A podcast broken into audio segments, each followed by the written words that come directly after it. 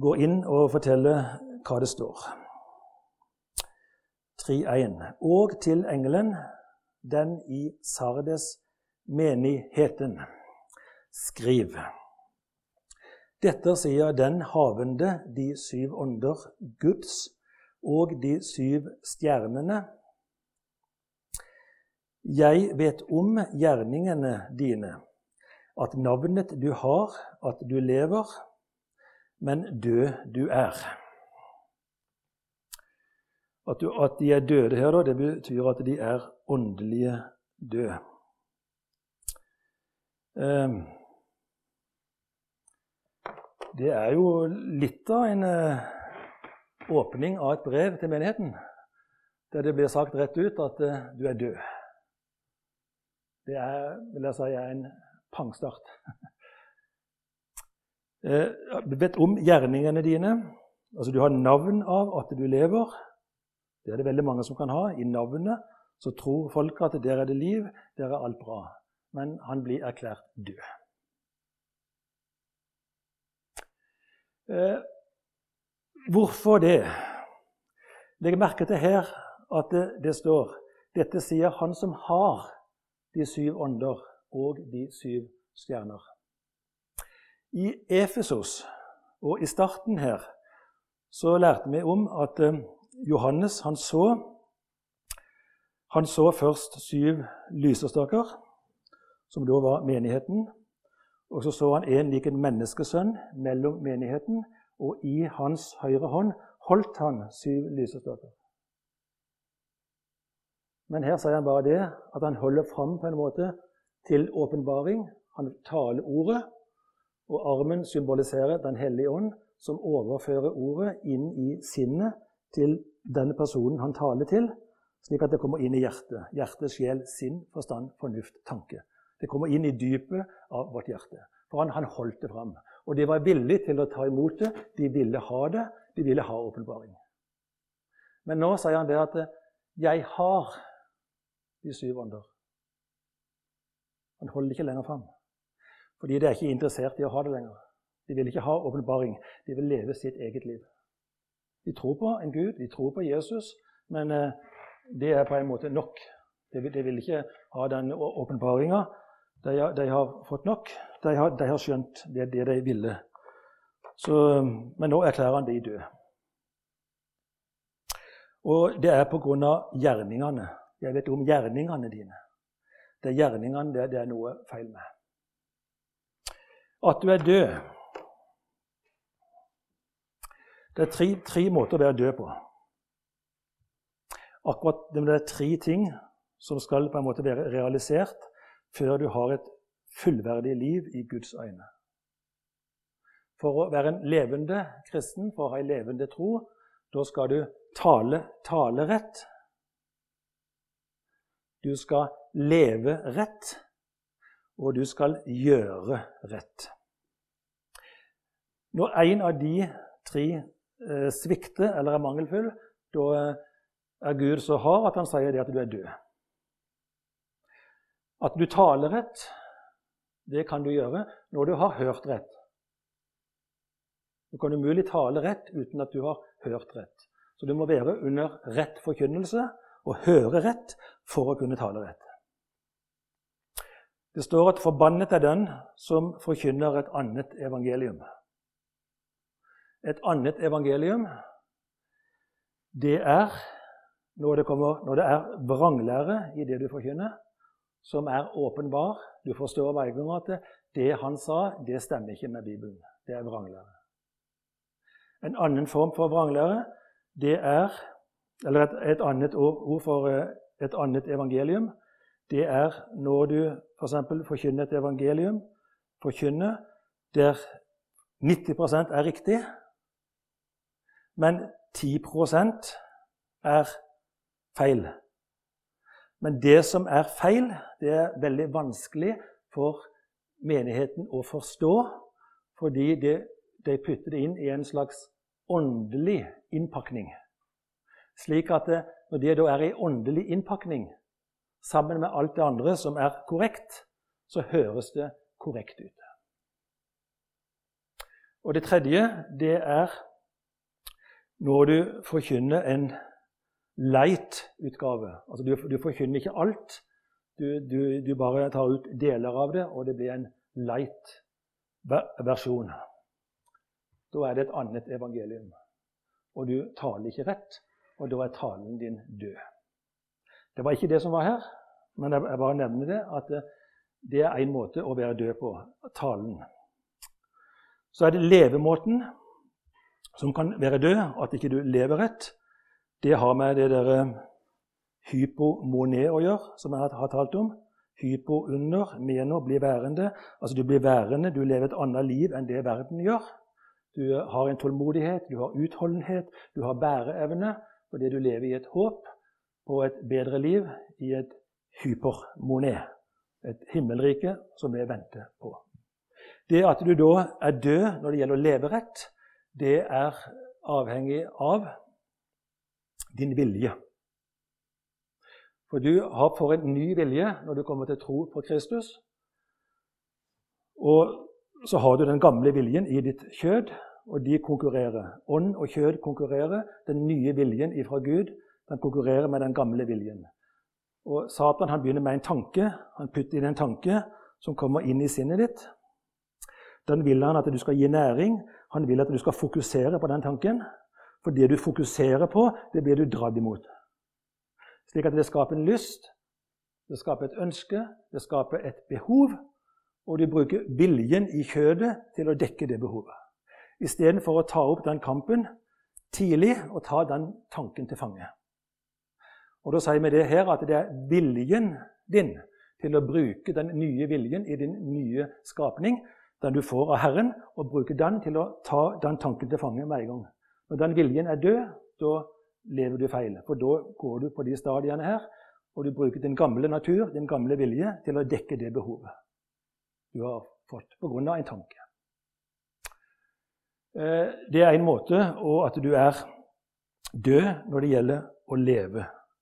Så har det òg med samvittigheten å gjøre, og hva du føler. Når du synder en gang, Første gang du synder, så føler du det at du gjorde noe galt. Du kjenner at hjertet banker. Litt redd for hva mamma og pappa sier nå når du kommer hjem. Du vet du har gjort noe galt. Og så går det, går det greit én gang, så går det greit to ganger, fem ganger, ti ganger, 50 ganger. Og det blir en vane. Og etter hvert sier vi det at nei, det er ikke synd. Det er ikke farlig. Slik at eh, samvittigheten din, følelsene dine, dør. Det er de to eksemplene på at du har et dødt liv når det gjelder å leve. Men her var det gjerningene som var døde. Jeg vet om dine gjerninger. Du har navnet å leve, du gjør veldig mye bra, men du er død. Gjerningene er døde når du gjør det jeg sa forrige gang. Du utfører ergon sarki, gjerninger i ditt kjød, istedenfor ergon pneumatikos, at du vandrer i ferdiglagte gjerninger der du er leda av Den hellige ånd. Og det er det han peker på nå i denne menigheten. Gjerningene er ikke bra nok. 3-2.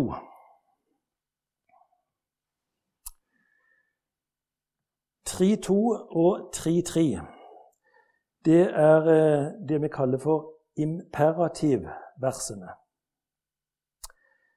Eh, imperativ eh, Det er fem imperativer vi kommer til nå, og én indirekte imperativ. Imperativ det er sånn eh, bydeform, nesten som går på befaling. Når vi sier 'Nå, gå og legg deg'. 'Nå må du legge deg'. 'Nå må du komme hjem'. 'Nå må du vaske opp'. 'Nå må du gjøre sånn, og nå må du gjøre sånn'. 'Nå må du skjerpe deg'. Det, en, det ligger en befaling her ifra Herren det er imper imperativer. Og Nå skal vi ta for oss de fem imperativene og, og, se hva det er for noe. Og Nå vil Herren inn her, og han vil prøve å ordne opp. Eh, han sier her at du er død, men vi skal se etter hvert her nå at det er tre på en måte ulike typer mennesker i den menigheten her. Enten er du død, eller du er i ferd med å dø, eller du har ikke skitna til klærne dine. Alle de tre på en måte gruppene finnes i den menigheten. her. Men nå tok vi det første, da. De er, de er døde, og det er pga. gjerningene. Denne menigheten her er skreven i, fler, i flertall. Efesos, Smyrna og Pergamon den står i entall. Samme er Tyatira, det er også flertall. Og denne er flertall. Eh, Philadelphia og Laudikea den er i entall. Det betyr at det, når det er flertall, da er det to ulike, eller tre ulike grupperinger i én menigheten. Og Det er det vi begynner å få nå i, i kirka. At det, enten er du for homofili, eller du er mot homofili. Altså du er, To grupper skal nå forenes i ett. Og Her er det det vi har her nå. Vi har tre grupper. De er døde fordi de, det er noe de ikke vil ha, noe de ikke vil gjøre. Eller du er i ferd med å dø. Eller du har ikke uh, sølt til klærne dine. Og det, det her skal vi nå ta i tur og orden. Vi begynner på imperativene. 3-2. Opptre våkende. Eller våke, vær på vakt, kan du oversette det med. Innta hyrdefunksjonen din. Finn en vertikal stilling, ikke horisontal. Finn, altså finn en oppreist stilling, eh, loddrett, ikke en vannrett stilling. Vær åndelig våken. På norsk står det vel jevnt over i de fleste eh, 'våkn opp'. står det bare.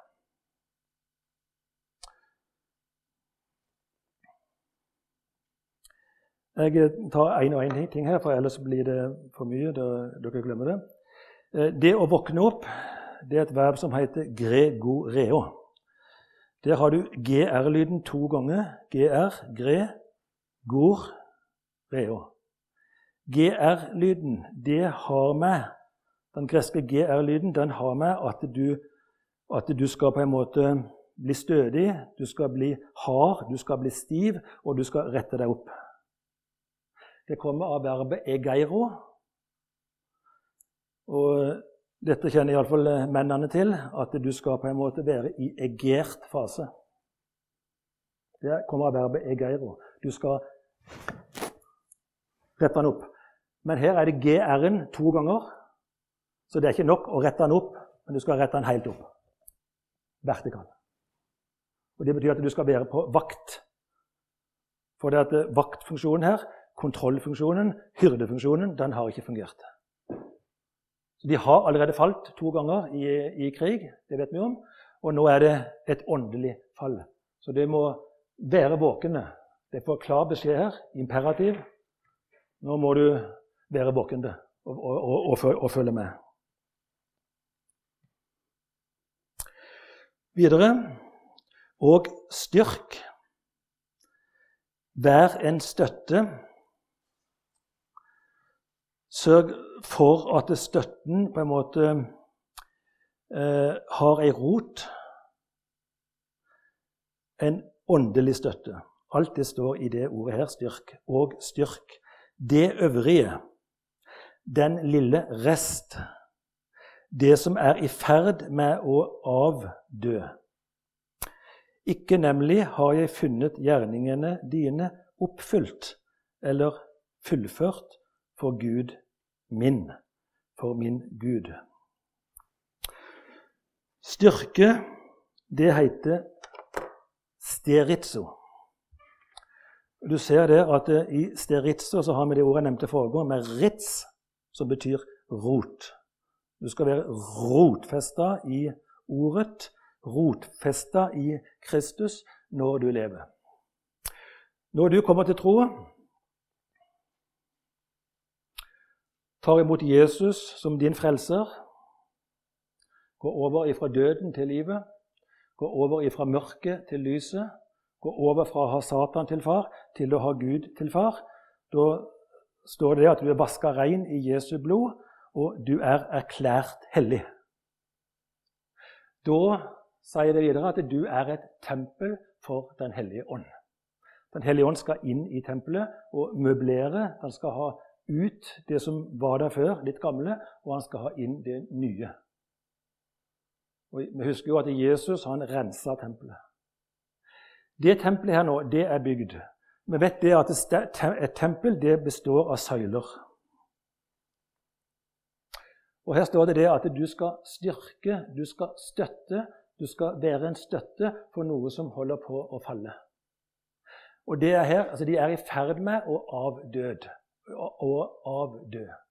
Det betyr at de har ei tro, men de har ikke mista hele troa. Det betyr at den søylen som Altså den troa som bygger tempelet, det er av tro du bygger tempel. For det er tro som gjør at du blir erklært ren og er et tempel for Den hellige ånd. Når troa begynner å avta, så vil den søyla på en måte Når troa avtar, så vil den søyla bli lavere. Og Det betyr at eh, du har ikke lenger i vater, slik at det tempelet er ikke, er ikke bra nok. Og Da står det her nå at han skal gå inn og styrke det som er i ferd med å dø. Og Da skal du rette opp igjen den søyla, og den søyla består av tro. Og det er troa di som gjør at du blir et tempel. Da skal du sette den støtta på sida av den søyla, og så skal du rette det opp igjen. Og Da skal du bygge tro inn i den personen, slik at den troa vokser opp igjen til dit han en gang var. Det er det som står. Og han der imperativet han sier at du skal gjøre det. Du skal være i våken posisjon, vertikal, og du skal styrke. Du skal se nå og styrke og støtte det som er i ferd med å dø. Slik at det kan bli troa kan komme tilbake igjen og bli styrka og vokse. Uh, igjen er det det med Gjerningene de er ikke oppfylt, de er ikke fullført. Jeg kunne ha sagt mye nå om gjerninger, men uh, jeg tror ikke jeg tar tid til å gjøre det. Um, det er så mye om gjerninger, egentlig, at jeg, jeg blir ikke ferdig om jeg, om, jeg, om jeg, tar det. Og det er Altså, du skal vandre i ferdiglagte gjerninger. Og det, er så diskusjonen Du kan ta et helt studium på universiteter om gjerninger. Det heter synergisme. Syn det betyr sammen, og ergisme det har med ergon å gjøre. Å gjøre en gjerning. Ligger i ergoterapeut og sånne ting. Synergisme. Så spørsmålet er alltid det Er det du som gjør en gjerning? Eller gjør du en gjerning sammen med Herren? Eller gjør en eller gjør Herren ei gjerning sammen med deg? Eller gjør Herren ei gjerning alene gjennom deg? Det kan vi bruke fem timer etterpå i kveld og, og diskutere. Men, men, jeg begynner ikke på det, den debatten nå. Jeg vet bare at det er et eh, enormt kapittel hva, hva som ligger i det med gjerning. Det er kompliserte greier. 3.3.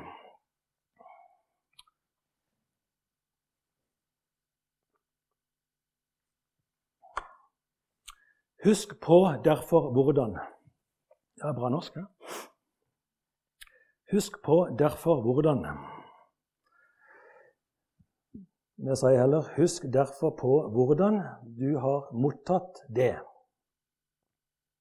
og hvordan du hørte det. Det er den eh, tredje imperativen. Husk derfor på.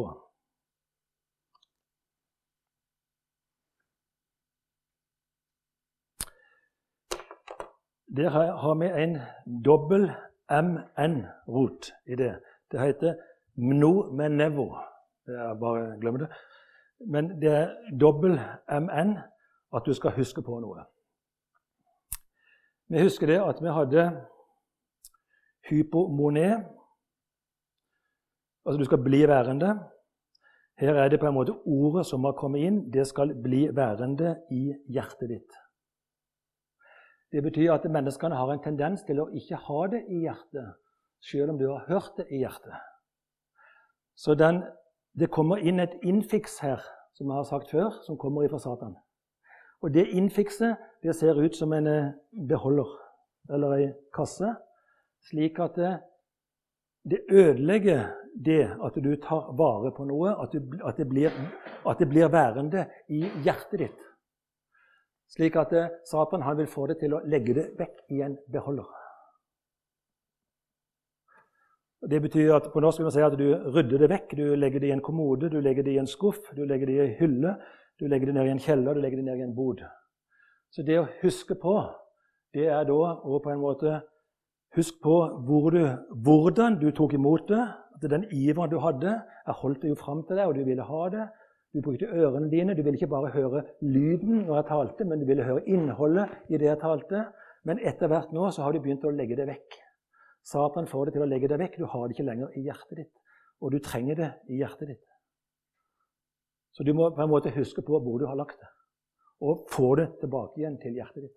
For det er hjertet det hører hjemme. Han sier jo heldig hele tida ta vare på det i ditt hjerte. Ikke bare ha det i hjertet lite grann, og så legger du det litt til side.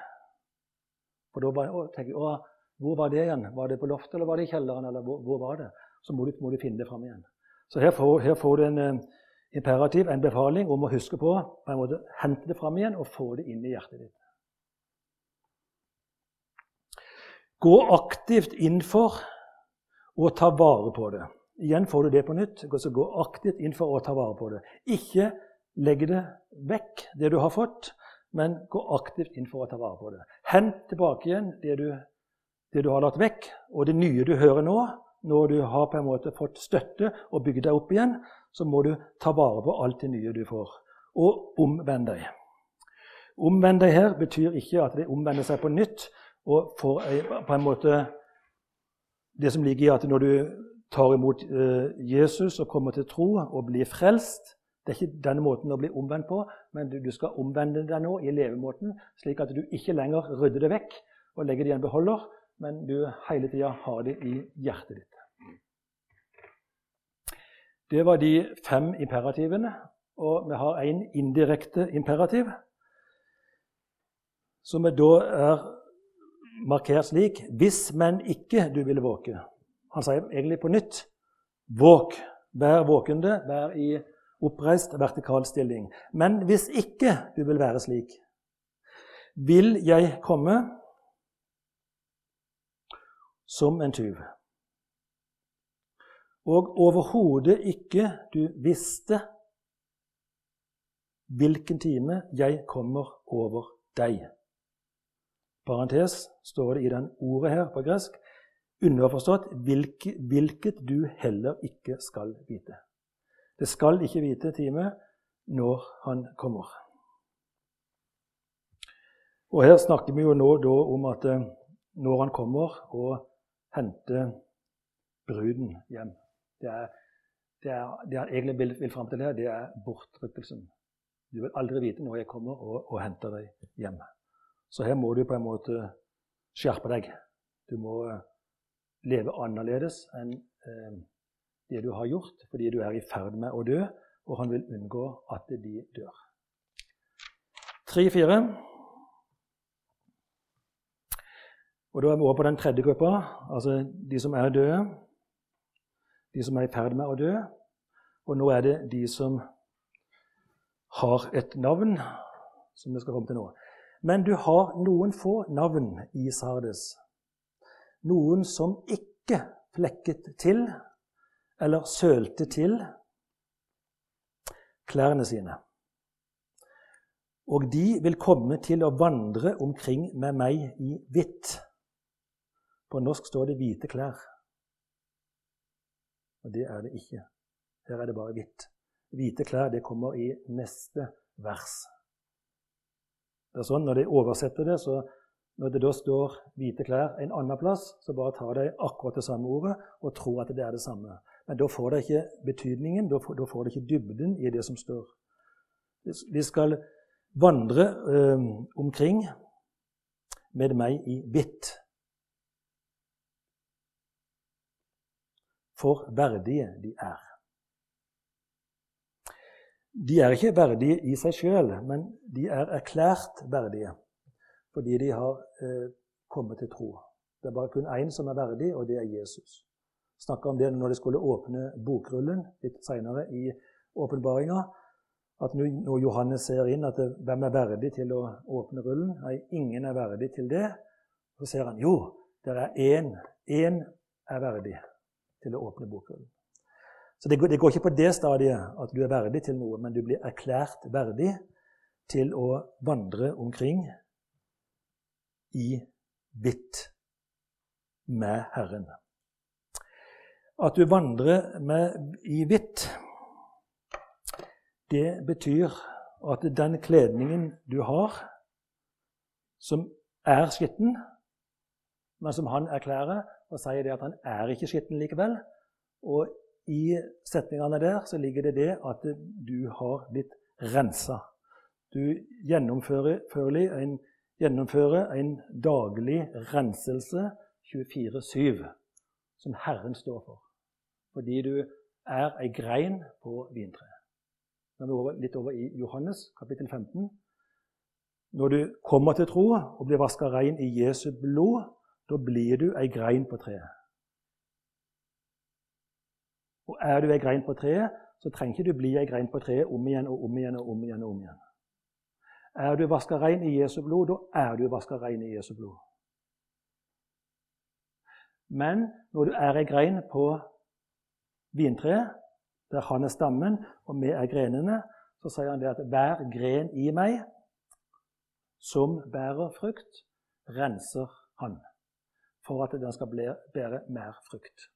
Så når du da egentlig har skitne klær, men lever med Herren, så blir du rensa slik at du går i hvitt likevel. Ikke hvite klær, men du, det ytre gjerne se på det som den ytre hua her. Den ytre hua den blir hvit uten at den er hvit. Du har en syndig natur.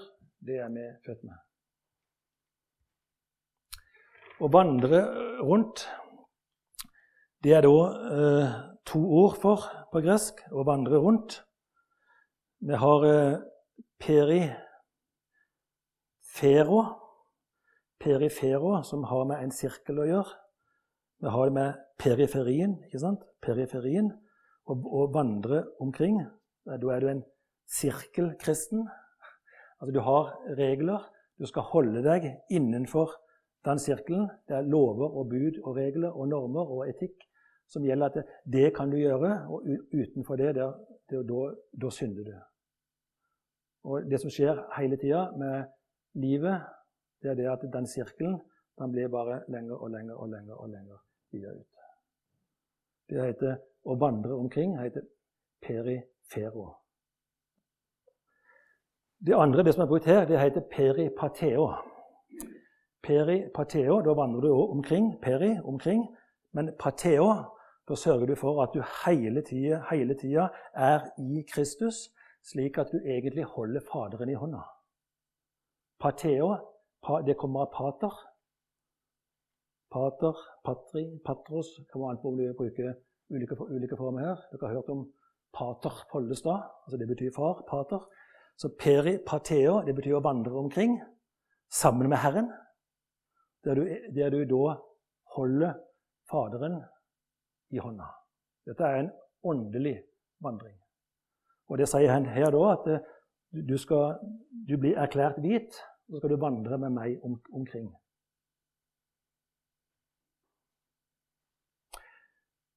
Å vandre da sammen med Jesus, det er det at han limer deg sammen som kroppen.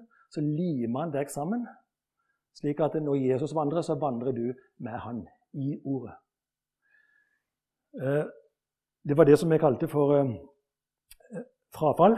Apostasia. Så kom Jesus ned vertikalt med en katafunksjon, apokatastasia, og gjenoppretta det. Han limte det sammen igjen. Så her på en måte limer han sammen kroppen sin med hodet, slik at du er sammen med Kristus og vandrer rundt og holder Faderen i hånda. Hodet og kroppen er ikke skrudd sammen. Han er bare limt det sammen. Og for å bli med i bortrykkelsen, da må han bli skrudd sammen. Men han kan ikke skru noe sammen før det er på en måte inni hakk. Skal du montere en Ikea-møbel, så må sideflaten og overflaten de må stemme. Så må du ha på noe lim. Og for å få det til å henge, så må du ta vri 90 grader, slik at det henger. Altså du, du skrur det sammen. Og samme er det, er det her nå. Du skal, du skal etter hvert skru sammen kroppen din med hodet, Altså kroppen din med Jesus som er hodet. Vi er kroppen, og han er hodet. Og det heter kefalitzo. Kefale betyr hode. Det vet sykepleierne her inne. Cephalus på latin og kefale på gresk. Så det er lett å snakke sant. Så det å skru sammen kroppen til hodet, det heter kefalitzo. Og, og hvis du da ikke er limt sammen og er i Kristus, og at den, det limet her fungerer, at du er vandrende sammen med Jesus og holder Faderen i hånda, åndelig sett, så vil ikke det være i hakk. Og da har han ikke noe å skru på. Så når bortrykkelsen kommer, så blir du igjen her nede. For da er det ikke kobla sammen, slik at når hodet kommer ned og henter, så skal han rykke det opp. Så det, dette er alvorlige greier.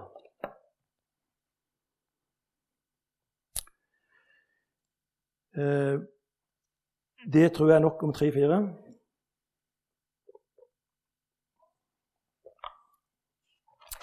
Tre-fem.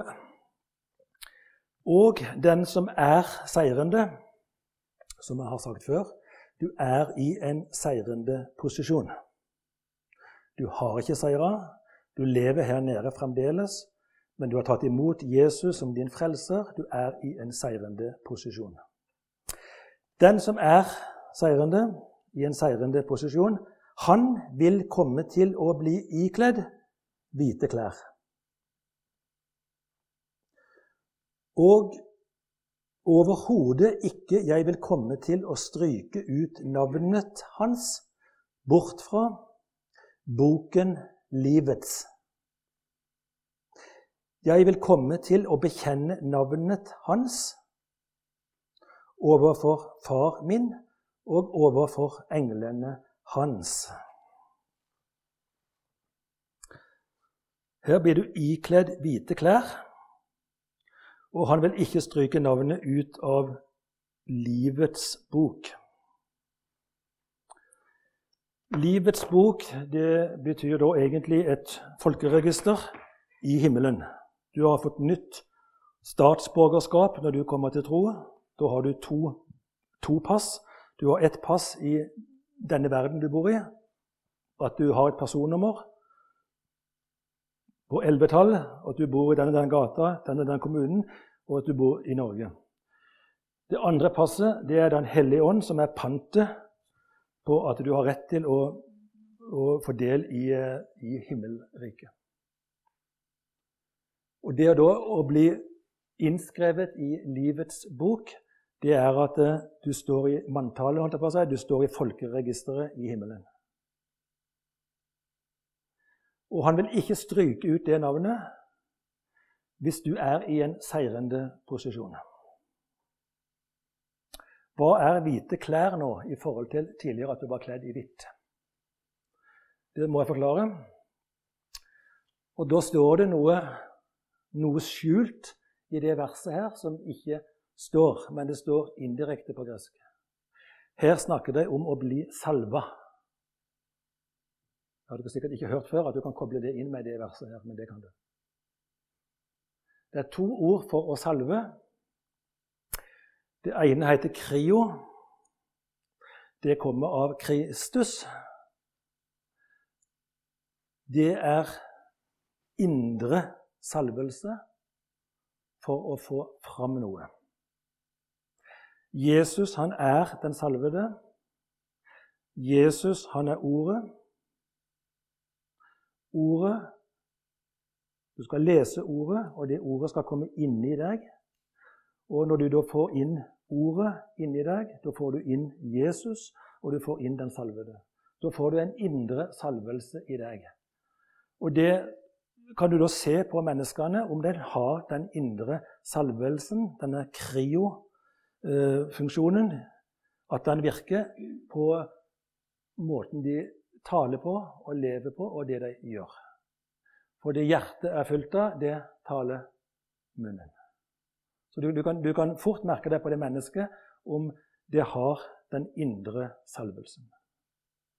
Den indre salvelsen skal få fram noe som andre mennesker skal se at du har.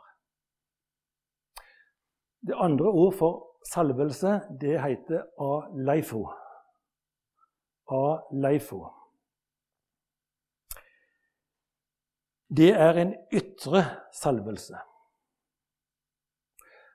Akkurat som eh, spesielt damer som skal bli litt pene. De ser ut til at de har en flekk her og så en liten kvisse her. og så noe der, Så tar de på noe sånn pudder og noen kremer og noen sånne ting. Og så pynter det, pynter det seg litt.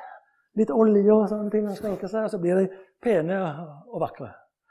Og det bruker de da til å dekke over noe for å holde det skjult. Så den ytre salvelsen her av leifo, det betyr å dekke over. Du dekker over, så du dekker over på en måte den kledningen du har. Du er foreløpig kledd hvitt og blir erklært hvit selv om du er skitten. Men så vil Gud han vil, han vil skjule det helt i Kristus. Så han tar og smører på noe utenpå som dekker over din syndige natur. Krio innvendig for å få noe fram. Aleifo utvendig for å dekke over noe. Det at du dekker over noe, det blir, det blir kalt her hvite klær. Det er den salvelsen. Det er hvite klær. Så når han da står her at 'jeg skal ikke stryke deg ut av livets bok', så heter det verbet som er brukt her, 'ikke stryke ut', det heter 'ex aleifo'. Ex det betyr ta bort igjen, ta ut. Fjern, ta, ta det vekk. Så han vil ikke komme til å ta vekk den salvelsen utenpå som har dekt til din syndige natur. X aleifo. Det betyr at han tar ikke vekk den hvite kledningen du har fått.